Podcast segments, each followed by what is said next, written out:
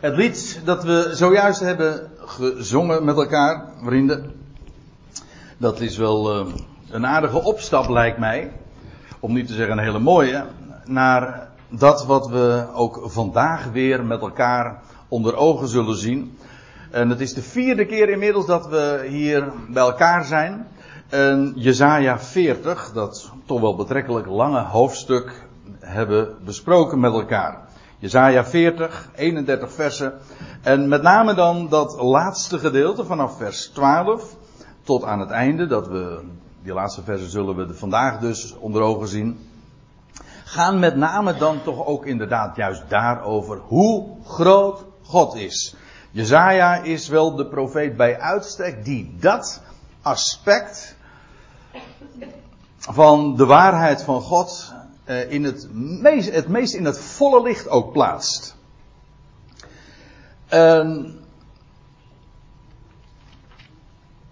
laat ik, voordat we verder gaan bij de bespreking van vers, vanaf vers 25, nog eventjes uh, kort samenvatten wat we tot dusver hebben gezien. Dat wil zeggen vanaf vers 12, want we hebben de eerste 12 versen trouwens ook uh, besproken. Maar goed, het gaat in dit gedeelte over Yahweh, de godsnaam. Ik ben die ik ben. Hij is de ene God en hij overtreft alles. En dat wordt in dit gedeelte schitterend naar voren gebracht. En blader even gewoon met mij mee, of lees met mij mee zo door dit hoofdstuk. Dan gaat het in vers 12 over de omvang van de hemelen. Die hij bepaalt. Probeer het je voor te stellen met een span. Dat wil zeggen, gewoon tussen duim en wijsvinger uh, bepaalt hij hoe groot dat is. En dan gaat het verder in datzelfde uh, vers over, over het gebergte. In vers 13 en 14 wordt de wijsheid van de mensheid, of wat daarvoor doorgaat, uh, eventjes in perspectief geplaatst van de grote God. Ja, wat weet een mens nou? Eigenlijk niks. En dan worden er van die retorische vragen gesteld, waarbij als je de vraag dan tot je door laat dringen, dat je als het ware steeds kleiner één krimpt en dan blijft er niks van je over. Wat, wat, wat wie is hem tot raadsman geweest? Wie heeft hij eh, eerst even om advies gevraagd bij eh, de creatie van de dingen? Alles is zo onvoorstelbaar, groots en intelligent. Uh, tot stand gekomen. In vers 8, 15 tot 18 gaat het dan over de natieën, over de volkerwereld. Die tezamen dan zijn, zo lazen we, uh, als een stofje aan de weegschaal. Dat dus totaal geen gewicht in de schaal legt. Als een druppel aan de emmer. Ook de goden. Reëel, want zo kun je het ook namelijk nog benaderen, want het begrip God is een begrip in de Bijbel dat in de absolute zin uiteraard maar op één van toepassing is. Maar het is de apostel Paulus die in 1 Korinthe 8 zegt, ja inderdaad, er zijn goden in menigte en heren in menigte. Voor ons nogthans is er maar één God. Ik bedoel, als je het nou eventjes helemaal absoluut zet, is er maar één God. Dat wil zeggen één die alles beschikt en alles die, die alles ook een plaats toewijst. Maar in de relatieve zin zijn er vele goden, rechters, koningen, machthebbers zijn in zekere zin, en de Bijbel noemt het ook zo, goden. En dan hebben we het nog uh, niet eens gehad over wat er in, in de wereld, die zich, uh, niet aan onze, die zich aan onze zintuigen onttrekt, wat daar allemaal nog uh, gedaan wordt, dat wil zeggen in de, de onzienlijke wereld uh, machthebbers, heerschappijen. Hoe staat het er in, uh, in Hebreeën, of nou in Efeze 1 over de tronen, heerschappijen in de onzienlijke wereld. Ook dat zijn goden, dat wil zeggen die in een relatieve zin ook de dingen plaatsen en beschikken. Maar, ach, ten opzichte van de God. Vers 19 en 20 wordt dat naar voren gebracht.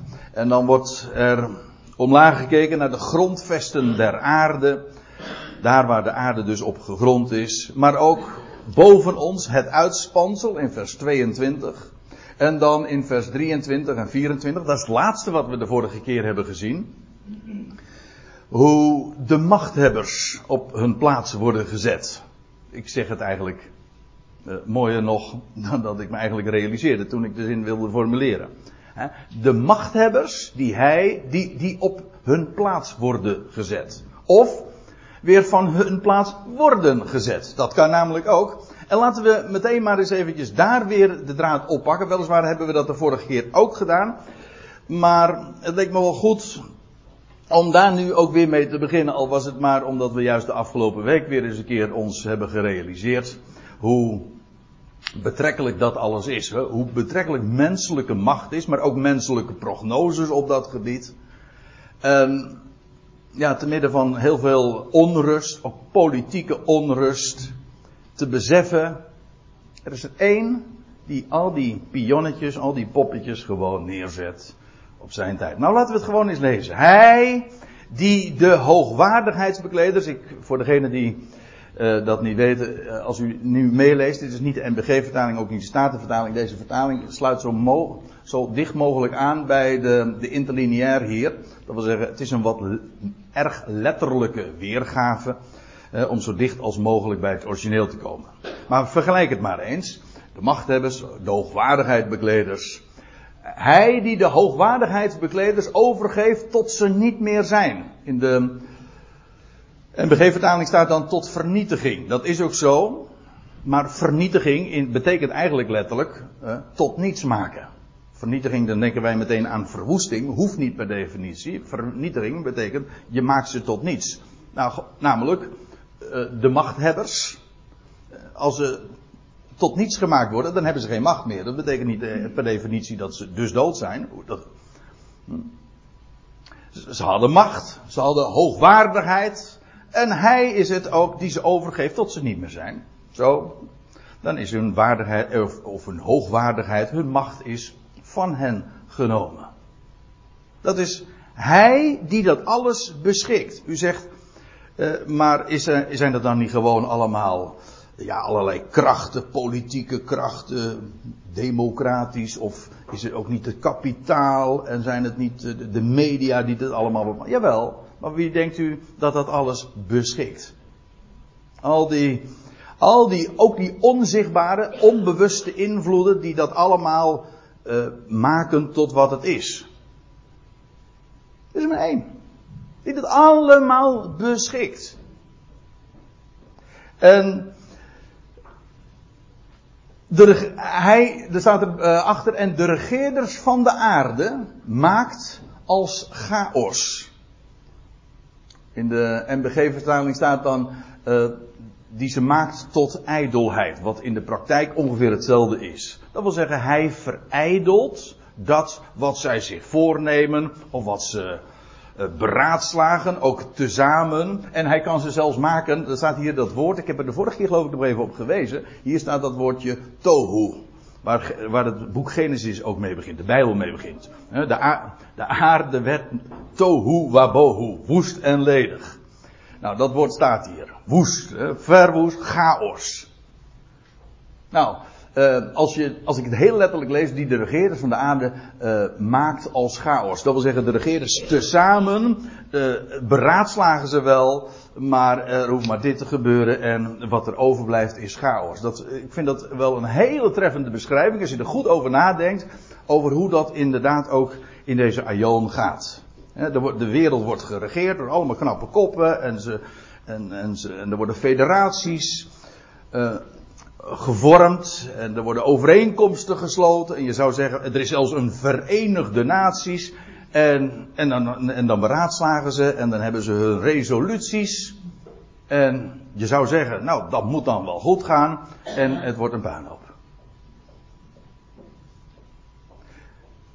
Mede natuurlijk ook. En wij denken van, ja, is daar niks aan te doen? En dus, dus, dus mensen zijn ontevreden en proberen er van alles aan te doen. En er worden bewegingen er worden protestmassen georganiseerd enzovoort. Allemaal ook omdat de, de mens het idee heeft van ja, maar wij moeten van deze aion, wij moeten, nou zo zeggen ze het meestal niet, wij, wij moeten van deze wereld een betere plaats maken. Make this world a better place. En, en, en elke generatie, wij gaan de wereld verbeteren. En uh, het is toch wel heel schrijnend om dan, dan vast te stellen van nou, na al die duizenden jaren pogingen om de wereld beter te maken, elke generatie denkt wij gaan het beter doen dan de vorige generatie. Is het beter geworden? Aan de intenties lag het niet, zou je zeggen. En, en op een of andere manier lukt het niet. Nee, maar de God, de beschikker, heeft dat ook zo bepaald. Het Messiaanse Rijk, zijn koninkrijk, komt op zijn tijd. En het gaat pas ook. Uh, het gaat aanvangen juist ook op het dieptepunt van de menselijke geschiedenis. Niet zo van, hij komt niet terug als, als een soort bekroning van alles wat de mens gemaakt heeft. Zo van, nou dat is een geweldige wereld en nou, uh, kom maar binnen. Nou, even, als we nou dan toch bezig zijn met Sinterklaas, kom maar binnen met je knecht. Weet je wel, al zo van, nou en dan gaat hij nu als, als, als kers op de taart, uh, gaat hij dan verder regeren. Nee, het is juist als de mens aan het einde is van zijn Latijn, als de chaos op zijn grootst is, dan gaat hij ingrijpen. Hoe en wanneer en wat de omstandigheden zijn, daar hebben we het bij andere gelegenheden wel over gehad. Na zes dagen, laat ik het nog anders zeggen, na zes dagen, zes millennia, zo rekent God, van menselijke arbeid, zegt God, en nou is het mijn dag. Maar ook perfect getimed. Op zijn moment. En op het tijdstip dat hij bepaald heeft. En ook op de manier zoals hij dat wil. En nu, ja, zien wij inderdaad dit. Chaos en verijdelde voornemens. En ik vind het zo'n rust. Om zo in deze aion te leven. Die aion wordt er niet beter van, dat weet ik. Dat is ook helemaal niet de bedoeling. Alleen dat al te weten is een rust. Wij laten ons licht schijnen. Ik bedoel dit. Wat is er anders licht? We laten het licht schijnen. En dat schijnt als, dat zijn, en dan zijn we sterretjes in de nacht. Sterretjes hebben helemaal niet de bedoeling om de nacht te doen verdwijnen. Daar, daar, dat gebeurt pas als de zon opkomt. Ik hoop dat u de beeldspraak begrijpt. Als straks de zon opkomt, als de zoon opkomt, dan verdwijnt de duisternis in deze wereld. En nu is het nacht en nu zijn er ook lichtjes.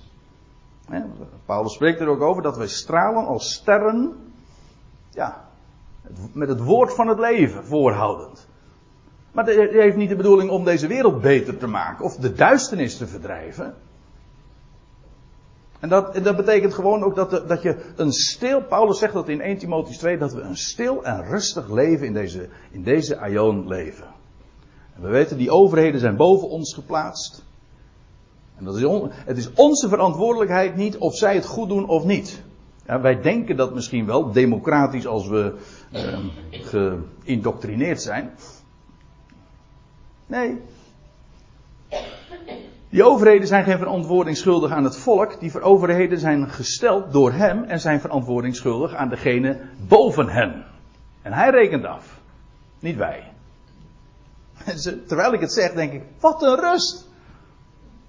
Wat een vrede, maar ook wat een, wat een perspectief plaatst dat alles. Nauwelijks zijn zij, die machthebbers dus, geplant. Nauwelijks zijn ze gezaaid. Nauwelijks schiet hun stek wortel in de aarde. Prachtige beeldspraak. Of hij blaast. Dat zijn van die ook blazen. Dat is geest, dat kun je niet zien. Dat zijn ook allemaal weer van die onzichtbare invloeden. De geest, eh, waar we geen grip op hebben. Maar hij blaast te midden van hen en ze verdorren. En een hevige storm mensen op als stroop. En wat, eh, waar, waar, zijn ze nou? Oh. Hm? Weg. Zo gaat het met de machthebbers. En de vorige keer herinner ik me, noemden we namen die ook in de Bijbel dan een rol spelen. van een, een Nebukadnezar of nog eerder de Farao of een Alexander de Grote. Noem ze maar op. Dat waren mannen hoor. Maar ze waren nog maar net geplant. Of, en ze waren weer weg. En de mens verbeeldt zich heel wat. Ik bedoel, juist, juist de machthebbers ook, hè? want die, ja, die kunnen een hele cultuur om zich heen creëren van, van eer en roem, wat zij allemaal al hebben bereikt en wat zij tot stand hebben gebracht. Dan krijg je zo'n zo'n waanidee als ooit Nebuchadnezzar. En toen liep hij over die hangende tuinen van Babylon. Zie het Babel dat ik gebouwd had. En hij was, nee, hij werd gek. Maar ik, u begrijpt wel dat ik met opzet deze verspreking maak. Hij was gek natuurlijk. En toen werd hij vervolgd. Zegt de heer van nou, ga jij nou maar de zeven jaar, ga, ga jij nou maar de zeven jaar gras eten. Hm?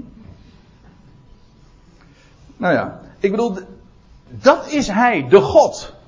Van de machten, degene die de machthebbers dus plaatst. En weer ontplaatst. Dus geloof ik geen uh, goed Nederlands woord, maar gewoon weer van hun plek wegzet. Zo. En een ander daarvoor in de plek zet. Met wie dan willen jullie mij vergelijken? En wie ben ik gelijk, zegt de heilige. Elke vergelijking die je met mij maakt gaat per definitie mank. We hadden het daar de vorige keer over en, en nu gaan we even verder lezen. Want ja, we moeten wel naar vers 31 toe. Heft jullie ogen naar omhoog. Dat is sowieso een hele goede, goed, goede tip hè, die je een mens kan geven. Hef je hoofd omhoog. Kijk eens omhoog, Sammy. En ja, want de mens, eh, ons blikveld wordt heel erg klein als je, eh, als je naar beneden kijkt. Daar is een mens ook niet op gemaakt. En ik blijf het altijd prachtig vinden dat een, het woord mens juist ook betekent dat hij omhoog kijkt. In het Grieks, hè, dat anthropos, dat is eigenlijk iemand die omhoog, zo omhoog kijkt. Wordt weer eens mens. Kijk omhoog. Hef jullie, maar hier ook met een heel speciaal oogmerk. Hef jullie ogen naar omhoog en kijk. En wie schept dit alles? Ik denk dat wij uh, inmiddels in de tijd leven. Ja, al, het is allemaal. Uh, het is allemaal kunstlicht en dus kijken we niet meer naar de echte lichten. Vroeger was daar veel meer idee ook van. Alleen al om deze technische reden, zeg maar. Als je nu omhoog kijkt. In de stad sowieso al. En, maar eigenlijk waar in Nederland ook. Je kijkt omhoog en je, ziet bijna geen sterren meer. En je moet er echt eventjes de tijd voor nemen. En eens eventjes op een plaats gaan staan. Waar je echt weer de sterren ziet. In Nederland hebben we natuurlijk ook nog een nadeel van de bewolking.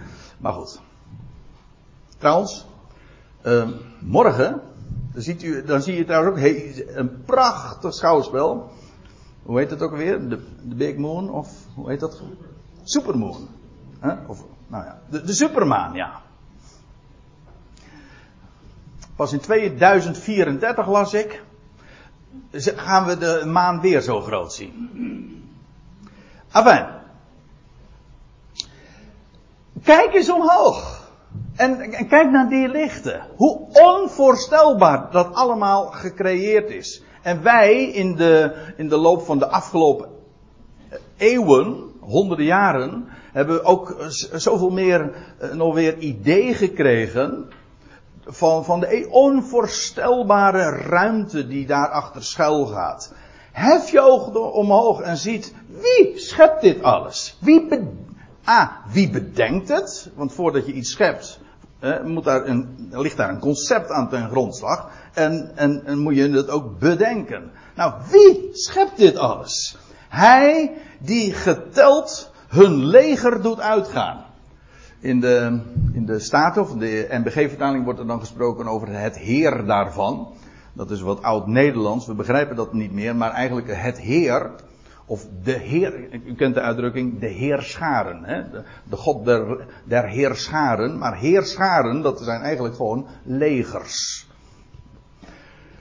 En uh, het Heer daarvan, uh, dat is dus eigenlijk gewoon hun legers. Hè?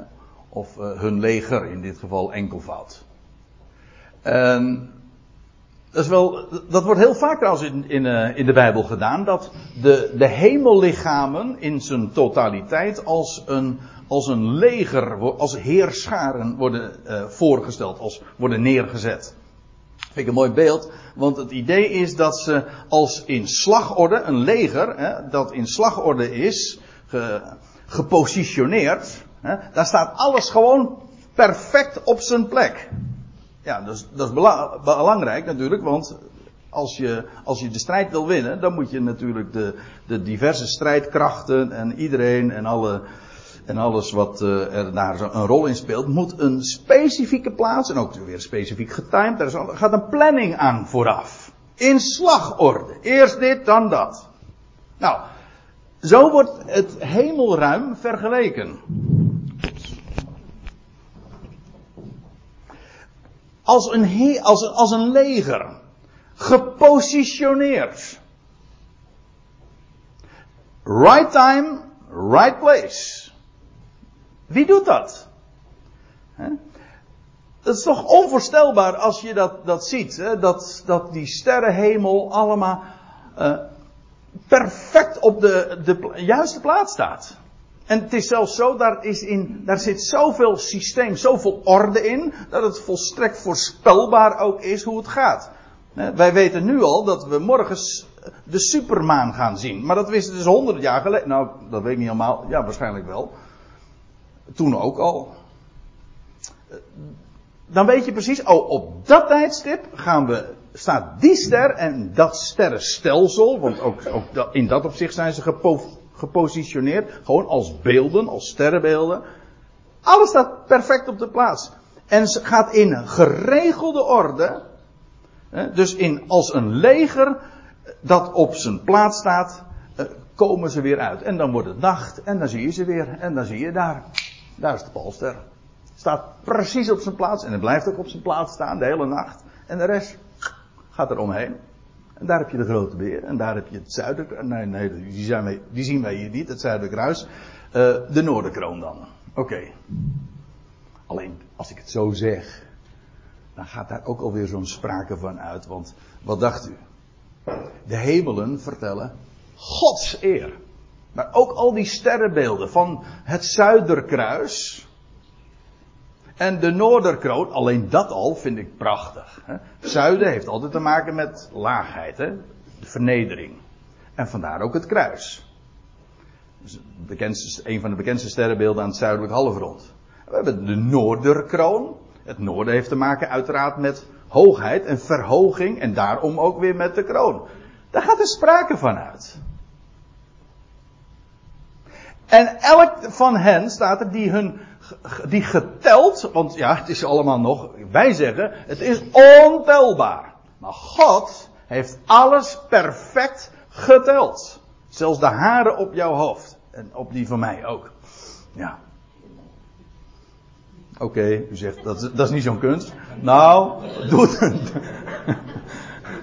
doe het maar eens nou hoor. het wordt minder, maar toch. Ik bedoel, geteld. Wel geteld, geplaatst als een leger. En elk van hen, elk van die sterren, van dat, van dat Heer, maar ook van die sterrenbeelden, bij namen noemt. De namen, dat lees je meerdere malen in de schrift. Hij noemt de sterren bij namen. Trouwens ook de sterrenbeelden. Hij spreekt over de Orion. Over de Pleiade, het zevengesternte. Alles. Hij noemt het bij name. Van, laat ik het nog anders zeggen. Van de maagd tot de leeuw aan toe. Het eerste sterrenbeeld en het laatste sterrenbeeld. Begint daar, bij de maagd. Het eindigt bij de leeuw. Dan heb je het weer de kroon. Hè? De leeuw, de koning der dieren. Begon ooit bij de maagd die voortbracht.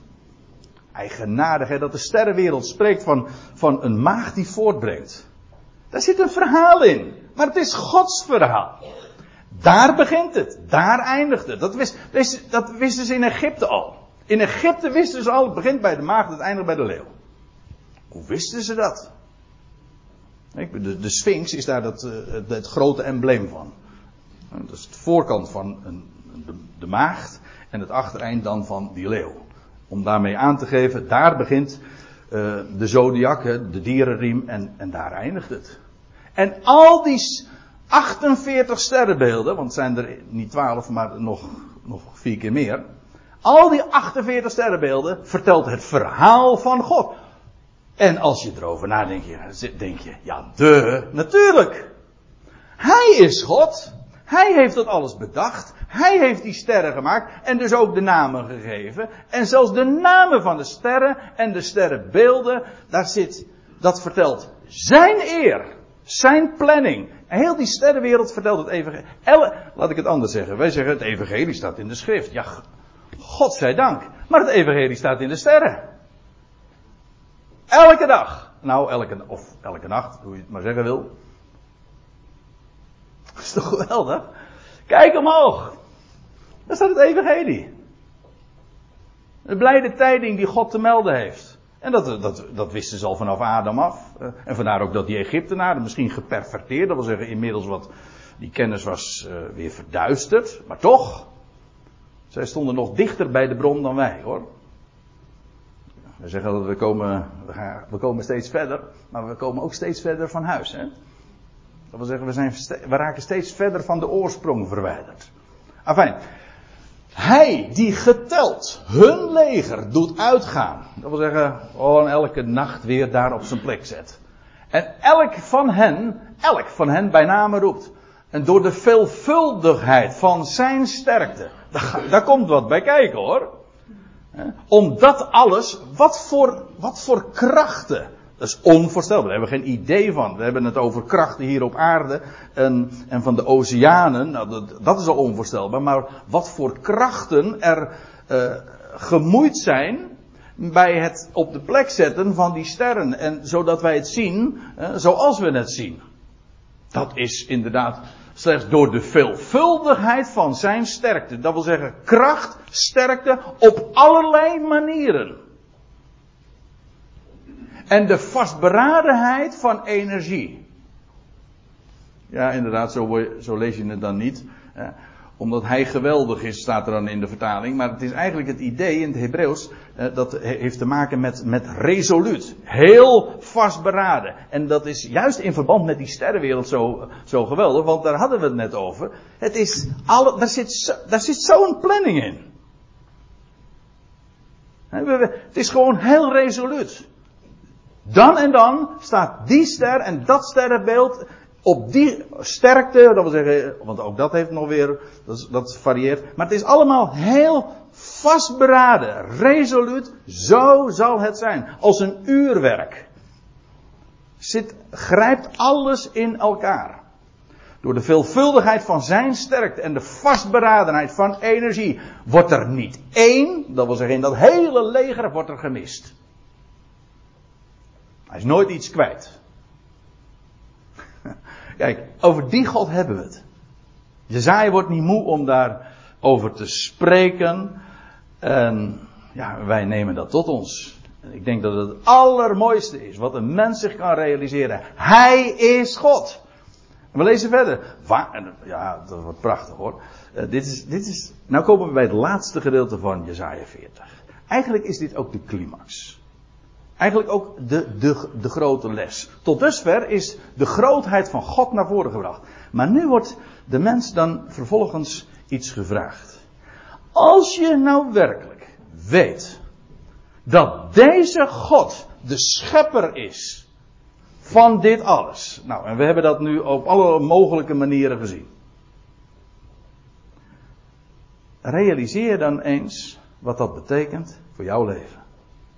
Hier wordt, het, Jezaja richt zich tot Israël. Waarom, staat er dan. Waarom, o Jacob, zeg je. En spreek je, o Israël, mijn weg is verborgen voor Yahweh. Zojuist in het voorgaande vers had Jezaja nog naar voren gebracht. Ja, hij, hij roept die sterrenwereld als in slagorde, als een leger, positioneert hij dat. En niet één wordt er gemist. Nou, waarom zeg jij dan, oh Jacob? Hier wordt gewoon het volk aangesproken als individu. Gewoon bij hun stamvader. Hè. Ik bedoel, Israël stamt af van Jacob. Die Jacob werd Israël. Het is altijd die volgorde. Jacob wordt Israël. Eerst Jacob, dan krijg je Israël. Het is heel mooi. Elders in Jezaja, daar lees je van een God zond een woord tot Jacob. En het is gevallen in Israël. Dat is niet willekeurig. Het had niet omgekeerd kunnen staan. Nee, hij, zond een woord tot Jacob. En doordat hij dat woord zond tot Jacob, werd Jacob Israël. Het is gevallen in Israël. Dat wil zeggen, daar droeg, daar uh, ontkiemde het. Het woord als een zaad wordt het dan vergeleken. Wel, dat ontkiemt dan vervolgens en dan wordt het Jacob Israël. Dan vindt die omkering plaats. Jacob bij de Jabok. Hm? Nou ja, denk daar maar eens over na. Waarom, o Jacob, zeg je, en spreek je, o Israël, mijn weg is verborgen voor Yahweh. Dat wil zeggen, ah, God weet niet van, van, van de weg die wij gaan. Jacob heeft, en ik bedoel ook het volk van Jacob, heeft dat in de loop van de geschiedenis zo vaak gedacht. Ongetwijfeld. Waarom moet wij ons dit als volk overkomen? Waarom moeten ze altijd ons hebben? Ik bedoel, gewoon het antisemitisme. Ja, u zegt, wat, waarom zeg je dat zo krom? Maar dat zeg ik bewust zo. Het is antisemitisme. Sem, dat is de naam van, de, betekent in het Hebreeuws Hashem, dat is de godsnaam. Eigenlijk is dat antisemitisme, dat heeft eigenlijk te maken met het feit dat de wereld, onbewust natuurlijk, maar zich verzet tegen en gekant is tegen de naam. En Israël, altijd vielen ze in de hoek waar de klappen vielen. En dan, en dan op een gegeven ogenblik, dan ben jij een Jood, dan ben jij een Israëliet, zo'n nakomeling van dat volk. God weet daar niet van. Gaat helemaal fout. Waarom, o Jacob, zeg je, en spreek je, o Israël, mijn weg is verborgen voor jou. Zo van, uh, herkent u het? Ongetwijfeld. Dat je denkt, weet God wel van de weg die ik ga? En ja, feitelijk, ja, het is troost wat hier staat, maar eigenlijk, de troost zit hem juist in het feit dat het, eh, het bizarre van de gedachte, van deze gedachte van mijn weg is voor God verborgen, het bizarre wordt juist aangetoond. Eigenlijk klinkt erin door, ben je wel goed bij je hoofd. Als je dat zegt. Ik moet, dat, dat, is, eh, ja, dat is hard. Maar juist daarom is het zo troostrijk. Hoe absurd. Hoe kan ik denken dat mijn weg verborgen is bij hem? Zo van hij weet daar niet van. Net is er gezegd van dat niets aan zijn aandacht ontglipt. Niets. Helemaal niets. Dingen waarvan wij geen idee hebben. Ik, eh, van de week heb ik een, eh, zag ik op, op Facebook zag ik een filmpje voorbij komen. Dat ging over, dat waren natuurbeelden. Uh, hoe ze het voor elkaar hebben gekregen, weet ik niet. Maar in ieder geval, uh, men heeft uh, gefilmd op, op, op, op de diepzeebodem van, van 10 kilometer diepte. Ik geloof dat de diepste zee 13 kilometer is. Dus hou me te goed, maar iets in die orde. En men heeft de camera's daar neergezet en ja, men heeft dat gefilmd. En daar, daar is leven. En dan heb je vissen, de meest bizarre vormen. Ik bedoel, wij hebben er geen idee van. En je zou zeggen van, nou, ik slaap er niet minder van als ze er niet zijn. Nee, maar de grote schepper. Die heeft daar, ja, ik, zeg, ik, ik, geloof echt dat ik het zo kan zeggen. Hij heeft er aardigheid in. Je leest zelfs dat hij van die grote dieren, die inmiddels al uitgestorven zijn van de, de dinosaurus, de behemoth, ze worden genoemd in de Bijbel, en de leviathan. Het, is, het zijn voor hem speeltjes. Dat is gewoon mooi. En God, onze God heeft nog humor ook. Kijk maar eens in de natuur. Nou, kun je heel wat voorbeelden van geven. Dat, is, dat is toch, als je zoiets ontwerpt, dan moet je toch echt gevoel voor humor hebben hoor. Natuurlijk. Als er één gein heeft, dan is het God hoor. Gein is genade eigenlijk hè. Maar goed. Waarom spreek je, oh Jacob zeg je en spreek je, oh is mijn weg is voor, uh, verborgen voor, voor. Denk je dat nou echt? Denk eens na. Er staat, uh, ja, hier Jacob Israël. Er staat even verder, dus we zijn nu bezig met Jesaja 40. Maar als je naar Jesaja 41 toe gaat, uh, in vers 14, dan staat, het, dan staat het nog kleiner. Daar staat, vrees niet, gij wormpje Jacob, gij volkje Israël. Ik ben het die u helpt. Luidt het woord van Yahweh. En uw verlosser, dat is de heilige van Israël. Maar juist dat, dat verkleind wordt. Hè. Ik, ik uh, zeg wel eens een keer tegen U weet, of de meeste van u weten misschien wel dat ik uh, en toe wat taallessen geef aan buitenlanders. En iets heel karakteristiek van het Nederlands is het gebruik van verkleinwoorden. Wij, in andere talen heb je dat niet, maar in het Nederlands is, staat bekend om het feit dat wij te pas en vooral ook te onpas verkleinwoorden gebruiken. Dan ga je van vrijdag tot maandag weg en dan zeg je, ik ga een weekendje weg. Pardon, weekendje? dat is gewoon lang. Ja, maar wij verkleinen alles. Hè? Geef maar een pilsje. dat. En we gebruiken voor alles uh, verkleinwoorden. Dat is heel, maar dat, uh, dat heeft trouwens ook nog weer het als de taal een reflectie is van het denken en, en de Nederlandse taal een reflectie is van het Nederlandse denken, dan zou daar ook wel, dat zou dat wel eens kunnen verklaren dat we in staat zijn goed de dingen te kunnen relativeren. Als, als, je, als je bijvoorbeeld zegt van ik heb hele grote problemen, als je leert jouw probleem als een probleempje te zien, dan verandert er hier al gigantisch veel. Dan schrompelt dat probleem ineens een probleempje. En ik denk dat dat heel ter zake is, want dat is nu juist precies waar Jezaja over gaat. De grote God. Ja, daar is, de volkeren zijn geacht als een druppel aan de emmer. Wij zeggen dan een druppeltje. Hm? Als een stofje aan de weegschaal. Zo klein, zo nietig. Maar wat dacht u nou? Onze problemen. Die in de hemel zetelt, die lacht. Dat, als, dat, als dat in Psalm 2 staat, dan gaat het juist over de grote wereldproblemen. Hè? Dat de hele wereld dan uh, ten strijde trekt tegen. Die in de hemel zetelt, die lacht. Die heeft er gewoon schrik om. Lach mee. Dat is het mooie. Het wordt zo klein. Vrees niet, jij wormpje. Eh, dat volk van, van Jacob, dat is een wormpje. In het Hebreeuws wordt hier dus ook dat verkleinwoord gebruikt. Een volkje Israël. Verbeeld je nou niet zoveel over jezelf. Als een, als een grote machthebber zich uh, kan. Als een grote machthebber zich gaat verstaan als een machthebbertje. Een koning, een koning. Ik ben een koninkje. Een presidentje. Hm? Ja, dan word je klein en dan word je, dan word je met recht op je plaats gezet. Want er is een grote plaats. Als er, als er iemand groot is. Ja, ik bedoel, het is allemaal relatief. Iets is altijd groot ten opzichte van iets anders. Of iets is klein ten opzichte van iets anders. Ja, dat is ook zo. Maar ten opzichte van hem zijn wij dus klein. En dus is het heel verstandig om gewoon dat verkleinwoord te gebruiken. Vrees niet, vormje Jacob, gij volkje Israël. Ik ben het die u helpt. Met andere woorden, jouw problematiek, hè, jouw hulpeloosheid, is gewoon, stelt niks voor in mijn ogen. Ik ben het die u helpt. Dat is wat waarde heeft en dat is ook, dat is groot. Jouw probleem is klein, maar mijn hulp is groot.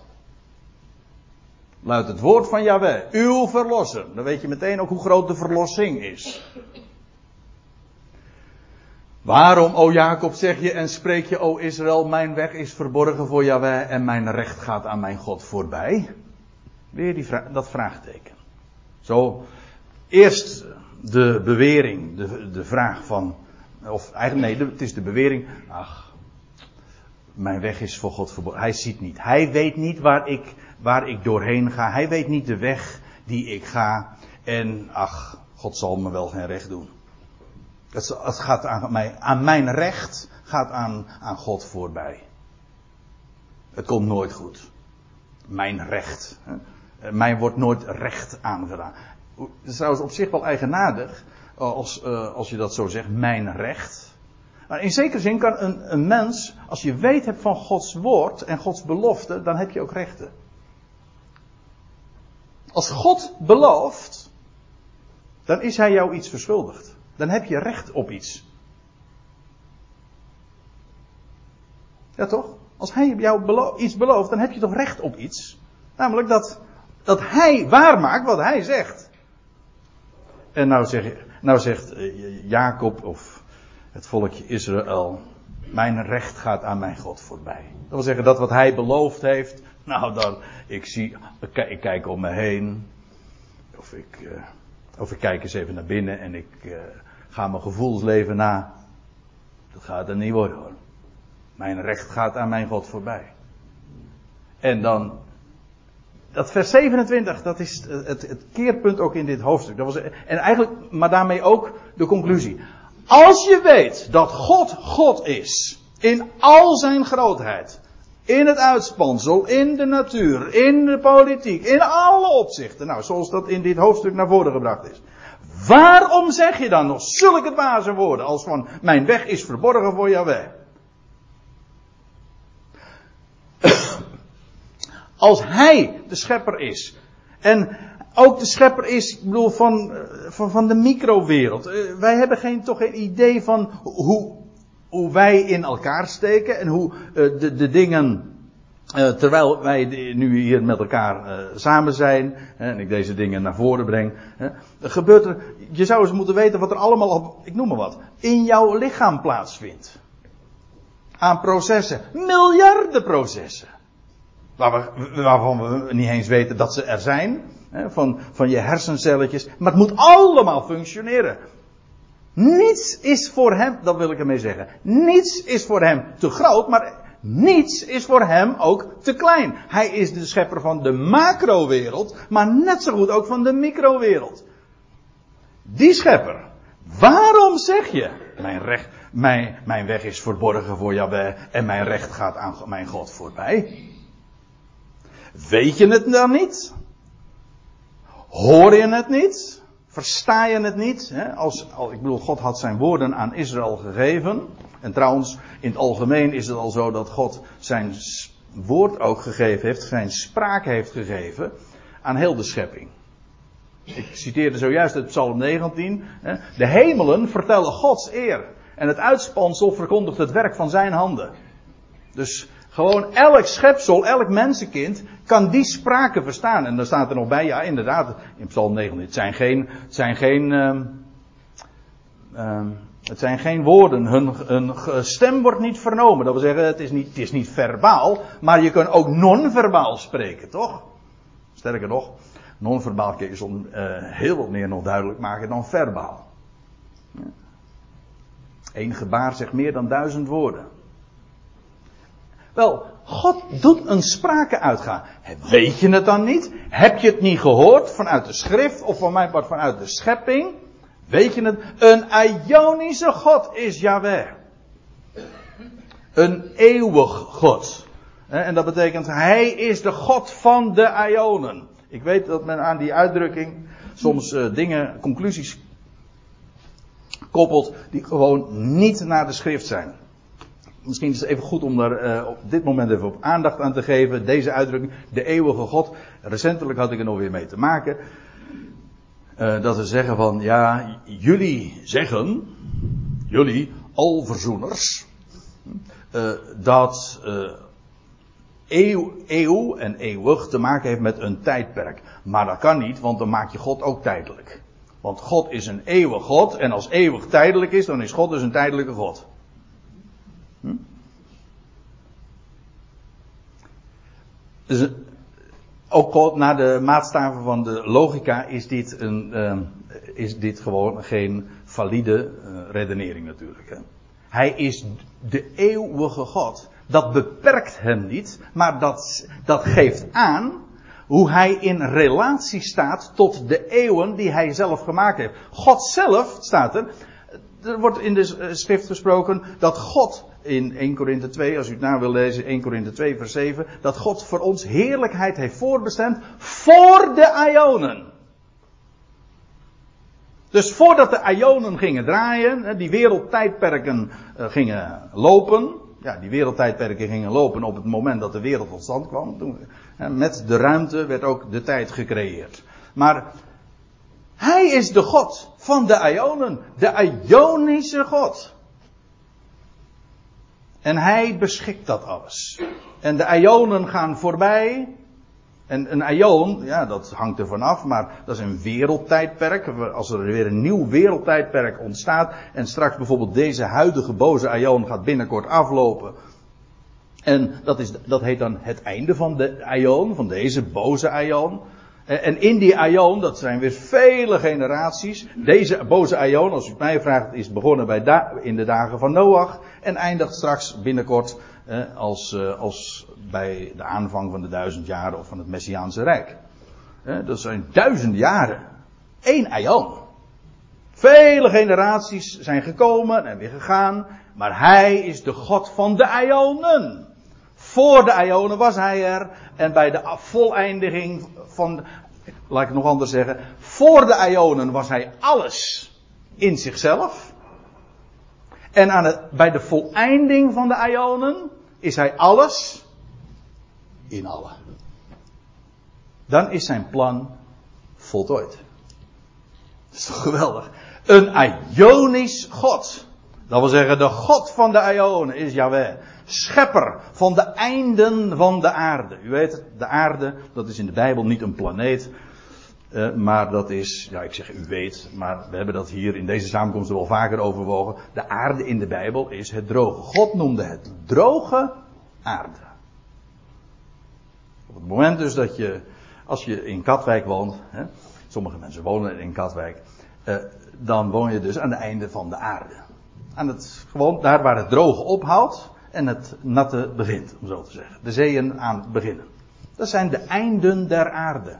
Wel, hij is de schep, hij is de schepper van de einden der aarde. Gewoon hier wordt uh, alleen het perspectief ge, uh, gezet op de, het blikveld is, is, is de, de, aarde waar de mensheid woont. Hij is de God van de Ionen. Jawel, schepper van de einde der aarde. Hij bezwijmt niet en wordt niet moe. En zijn verstand is zonder pijl. Er staat in de, om eventjes de link te leggen met de gebruikelijke vertaling. Hij wordt, zo is hij bekender. Ik, had er een beetje moeite mee om dit aan te passen. Want ik, uh, ik vind de, de gewone gebruikelijke versie, zoals ik hem altijd gehoord heb, al zo mooi. Hè? Ah, daar doe ik niks vanaf hoor. Uh, hij, wordt niet, hij wordt niet moede hoe staat het nou precies? Vers 28. Weet gij het niet? Uh, hij wordt nog moede, nog mat. Zijn verstand is niet te doorgronden.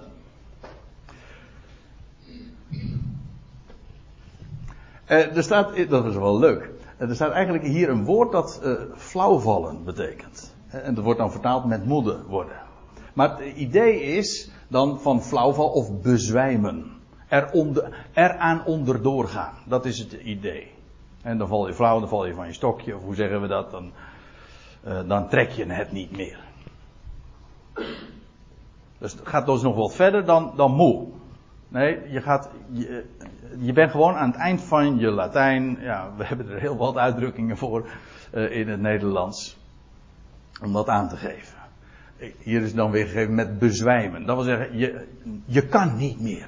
Maar hij, is, hij bezwijmt niet en hij wordt ook niet moe.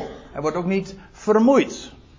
Hij is de God van, alle kracht. Hij is degene, juist degene die al die krachten gemaakt heeft. Hij is niet onderworpen aan de wetmatigheden die wij als schepselen kennen. Hij bezwijmt niet. Hij wordt niet moe. Zijn verstand is zonder pijl. Hè? Of in de NBG-vertaling is niet te doorgronden. Dat wil zeggen, uh, laat een pijl uh, los en je komt nooit aan het eind. Het is ondoorgrondelijk. Ook in de absolute zin van het woord, zonder pijl. Zijn verstand. Dat is ook precies de reden waarom de mens, dat zegt Romeinen 1, waarom de mens weet dat er een schepper moet zijn. Niet omdat hij die schepper ziet, maar omdat hij een schepping ziet. Hij ziet een ontwerp. Hij ziet intelligentie. In elk onderdeel van de schepping getuigt van zijn verstand. En dan weet je, er moet een schepper zijn. Dat kun je wegredeneren. Dat wordt op school stelselmatig gedaan. De universiteit en de hele wijsheid van de wereld begint daar. De wijsheid van de wereld begint eigenlijk. We gaan, we gaan alleen maar uit van dat wat we kunnen waarnemen. Dat betekent dus dat het allerbelangrijkste factor op voorhand wordt uitgesloten. Ware wijsheid begint met de vaststelling dat alles getuigt van zoveel intelligentie, van ontwerp. En dan weet je, als dat ontwerp is, dan moet er een ontwerper zijn. Kijk, dat is logica. En dat is het beginsel van wijsheid. Daar begint het. Zijn verstand is zonder pijl. En dan staat er juist daarom, hè, omdat hij de God is die alle krachten, nou en dat is in dit hoofdstuk schitterend naar voren gebracht, de krachten die gezien worden in het heelal, in de aarde, uh, op de, de, de, de, oceanen, de, we hadden het zojuist over de, de maan hè, en over de, de, de, de getijden van eb en vloed. Wat voor krachten gaan daar niet achter schuil? Onvoorstelbaar. En dan moet je bedenken, dat is nog maar, dat is nog maar een, een, een kleine creatie van hem. Hij, dat betekent dus, hij bezwijmt niet. Hij wordt ook niet moe. Hij gaat ook niet slapen. Er wordt tegen Israël gezegd in de, in de psalmen, de bewaarder van Israël sluimert nog slaapt. Hij waakt. Niets ontgaat zijn aandacht. Hij, en daarom is hij ook in staat, precies wat er in vers 29 staat, hij geeft de bezwijmende energie en de machteloze vermeerdert hij sterkte. Kijk, dat geeft de burger moed. Hij zelf bezwijmt niet. Hij zelf wordt niet moe. Maar hij geeft degene die bezwijmt, het niet meer trekt, of er uh, helemaal aan het eind van zijn of haar Latijn is. Hij geeft energie. En kracht. En degene die machteloos is, niet meer kan, hè. Je armen, zeggen we het dan. Trouwens, zo zegt de schrift ook. Je armen zijn te kort om het nog te, te controleren, te beheersen, weer een goede banen te ruiten. Dan ben je machteloos. Nou, die vermeerdert hij sterkte. Kom je tekort? Kom je tekort aan energie? Ik, ik weet een heel goed adres.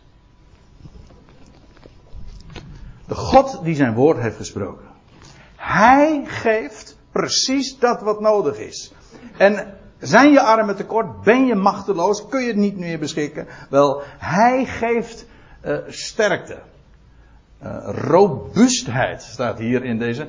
Uh, macht, viriliteit, heeft ook te maken trouwens met, met vitaliteit. Levenskracht. Ja, waar komt leven vandaan? Nou, van de levende God, uiteraard. Wij dat is heel grappig. Uh, wij weten, algemeen bekend ook in de, zelfs de wetenschap, die weet niet.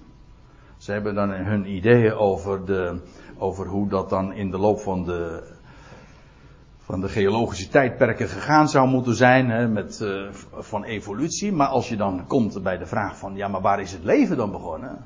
Ooit. Dan zeggen we, weten we niet. Geen idee van. ja, natuurlijk niet. Maar ze komen ze ook nooit achter ook. Dat kan ook niet. Hm? Nee, want ze hebben op voorhand afgesloten van, daar gaan we het niet over hebben. Dat is, dat is niet wetenschappelijk. Oké, nou ja, goed, dan heb je. Dus dan zijn je ogen dus op voorhand gesloten. Goed. Hij geeft levenskracht. En, en dan staat er nog bij: jongelingen bezwijmen en worden vermoeid. Zelfs uitgelezen jonge mannen struikelen. Hier wordt even een tegenstelling gemaakt. Kijk, wij hebben het idee van uh, als je vermoeid bent of als je het niet meer trekt, nou dan ben je oud, dan ben je, dan, dan ben je zo'n beetje aan het eind van je leven. Nee, er staat hier zelfs, zelfs jonge mensen, de kracht van hun leven, die sterk zijn, jongelingen bezwijmen soms. Dat er zoveel op hun bordje komt, dat ze onder zo'n last uh, uh, komen te staan dat ze, het, dat ze eraan onderdoor gaan. Zelfs jongelingen worden vermoeid. En zelfs uitgelezen jonge mannen. Dat wil zeggen, het beste van eh, wat er is, mentaal, fysiek, die alles aankunnen, de hele wereld niet bang zijn voor de duivel, zeggen ze dan. En, en zelfs zij struikelen. Gaan zo op hun plaat.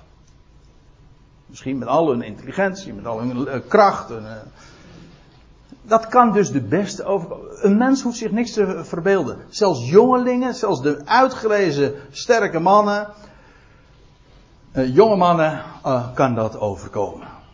En maar wie Yahweh verwachtte, De hopende op hem. Dat wil zeggen, dit, is in de, dit staat in de tegenwoordige tijd. Dat wil zeggen, degene die bezig zijn te hopen.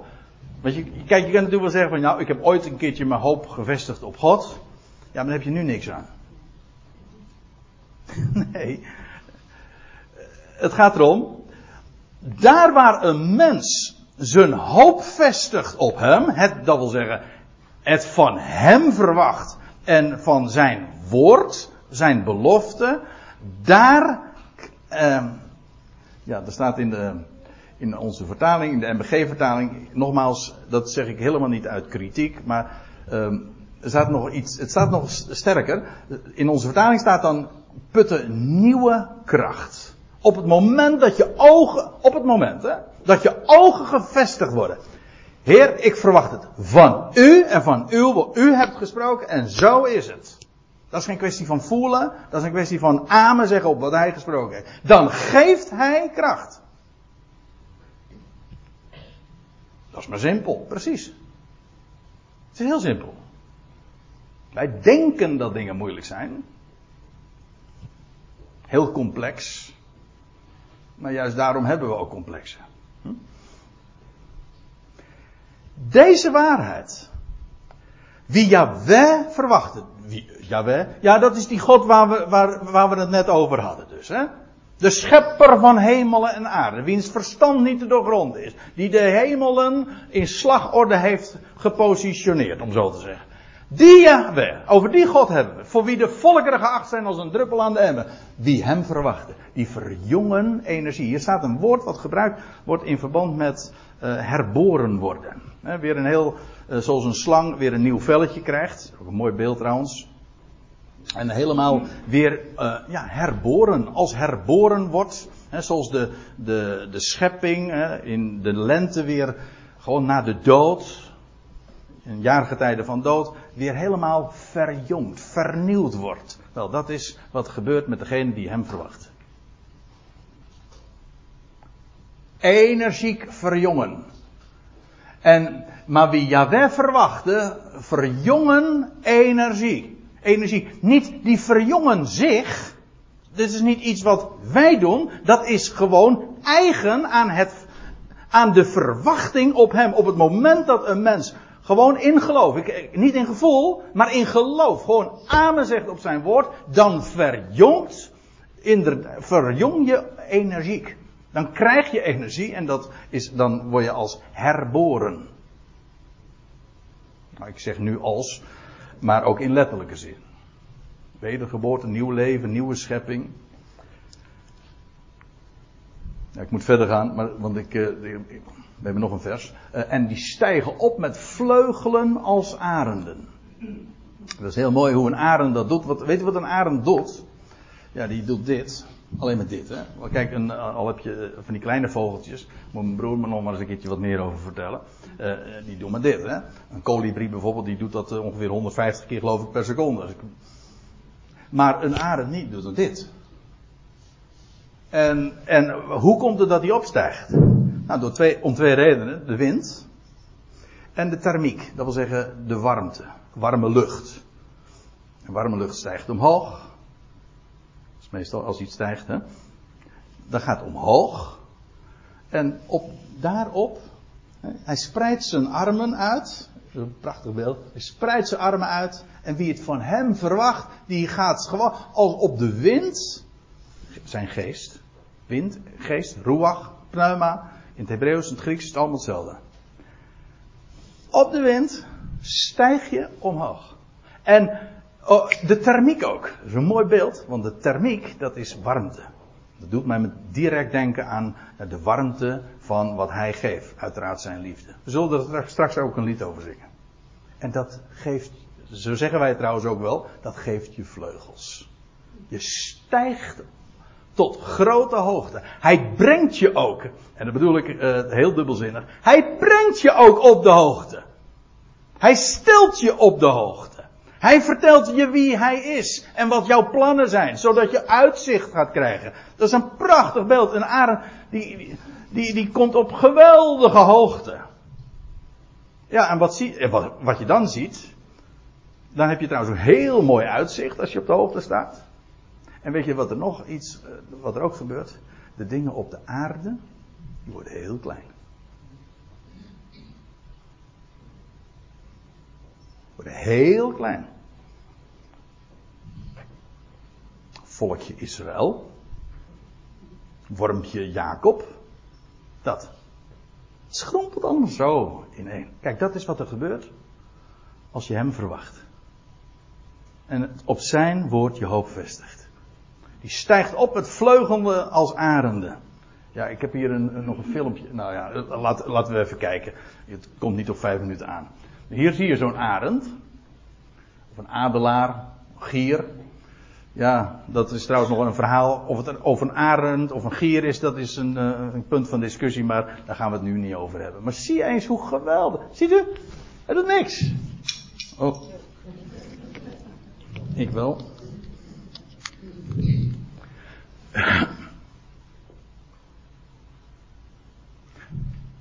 Kijk, dat is opstijgen als een arend. Ja, ik zei al, adelaars of gieren. En ja, dat wil ik. Uh, goh. Dan kom ik toch nog weer een beetje in gevecht met de tijd. Maar ik wil nog even de één ding. Kent u het verhaal van de phoenix? Phoenix, phoenix. Wordt verschillend gespeld. Het is een staat in Arizona. Nee, is, een, het is de hoofdstad van Arizona. In Amerika. Maar het is ook de naam van veel sportclubs en zo. Maar Phoenix, eh, dat is al sinds duizenden jaren een embleem van herreizenis. Kent u dit? Eh, er zijn heel, moet u maar eens een keertje op Phoenix of Phoenix kijken. Op Google en je ziet duizenden allemaal plaatjes ervoor. Maar ik heb dat eens nagekeken. Volgens de geschiedschrijver Herodotus, 484 voor Christus, was de phoenix een mythische vogel uit Ethiopië. Het was spectaculair groot, mooi en versierd met een onvoorstelbaar verenkleed. Het kan, zou trouwens best zijn dat dit op een reële creatie gewoon teruggaat, maar dat die inmiddels er niet meer is. Zoals we zoveel dieren hebben. Maar in ieder geval, het verhaal gaat dat. En dat is al tot op de dag van vandaag een embleem. En de historicus, Herodotus dus, die vermeldt ook dat de phoenix een nest maakte van cipressentakken. U weet wel, dat zijn die bomen van de Libanon. Daar hadden we het ook nog over. Uh, in plaats van, ik heb dit gewoon, gewoon gekopieerd en geplakt vanuit uh, van Google. Ik, als ik me niet vergis van was het Wikipedia. Afijn. Uh, in plaats van zich voor te bereiden om eieren te leggen, bereidde de phoenix zich voor om te sterven. En in het nest creëerde, dat is dan het verhaal, de vogel zoveel warmte dat het zichzelf in brand zette, waarbij de cipressen dienden als aanmaakhout. Nou, ja, je zegt, waarom zeg je dit nou? Nou, na drie dagen komt de phoenix voort uit zijn eigen as, herboren en vrijgelaten uit het vonnis des doods, in staat om voor eeuwig te leven. Toen dacht waar zou dat verhaal nou toch vandaan komen? Moet je nagaan, hè? De phoenix, de phoenix, of, of hoe die ook maar heten mag. Die adelaar die als, als die, die uw jeugd, dat is weer iets anders, Psalm 103, die uw jeugd vernieuwt als die van een arend. Dat hele als uit de, uit de as herreizen. En dan op de derde dag. Was al honderden jaren bekend in de heidense wereld bij Herodotus. Dus los van de schrift, los van Jezus Christus, want dat zou nog gebeuren. Maar toen al kende men dat fenomeen van her, wedergeboorte, nieuw leven op de derde dag. Nou ja. Ik wil er nog wat meer over zeggen, maar u ziet, uh, dat doen we maar even niet. Uh, het gaat even oh, terug. Uh, wie Jaweh verwachten, die verjongen energiek en stijgen op met vleugelen als arenden. Ze rennen, maar ze worden niet vermoeid. Ze gaan, ze gaan, maar ze bezwijmen niet. Waarom? Hij geeft kracht. En in welke situatie, en dat is de conclusie, in welke situatie je ook bent. Dat was voor Israël zo toen, volkje Israël, wormpje Jacob. Maar dat geldt voor ons natuurlijk net zo. We luisteren naar deze woorden. In welke situatie je ook bent. Hij geeft jou de kracht om te doen wat je hebt te doen. Ah, hij kent mijn weg niet. Wat dacht u nou echt? Hij kent mijn weg niet. Hij is God.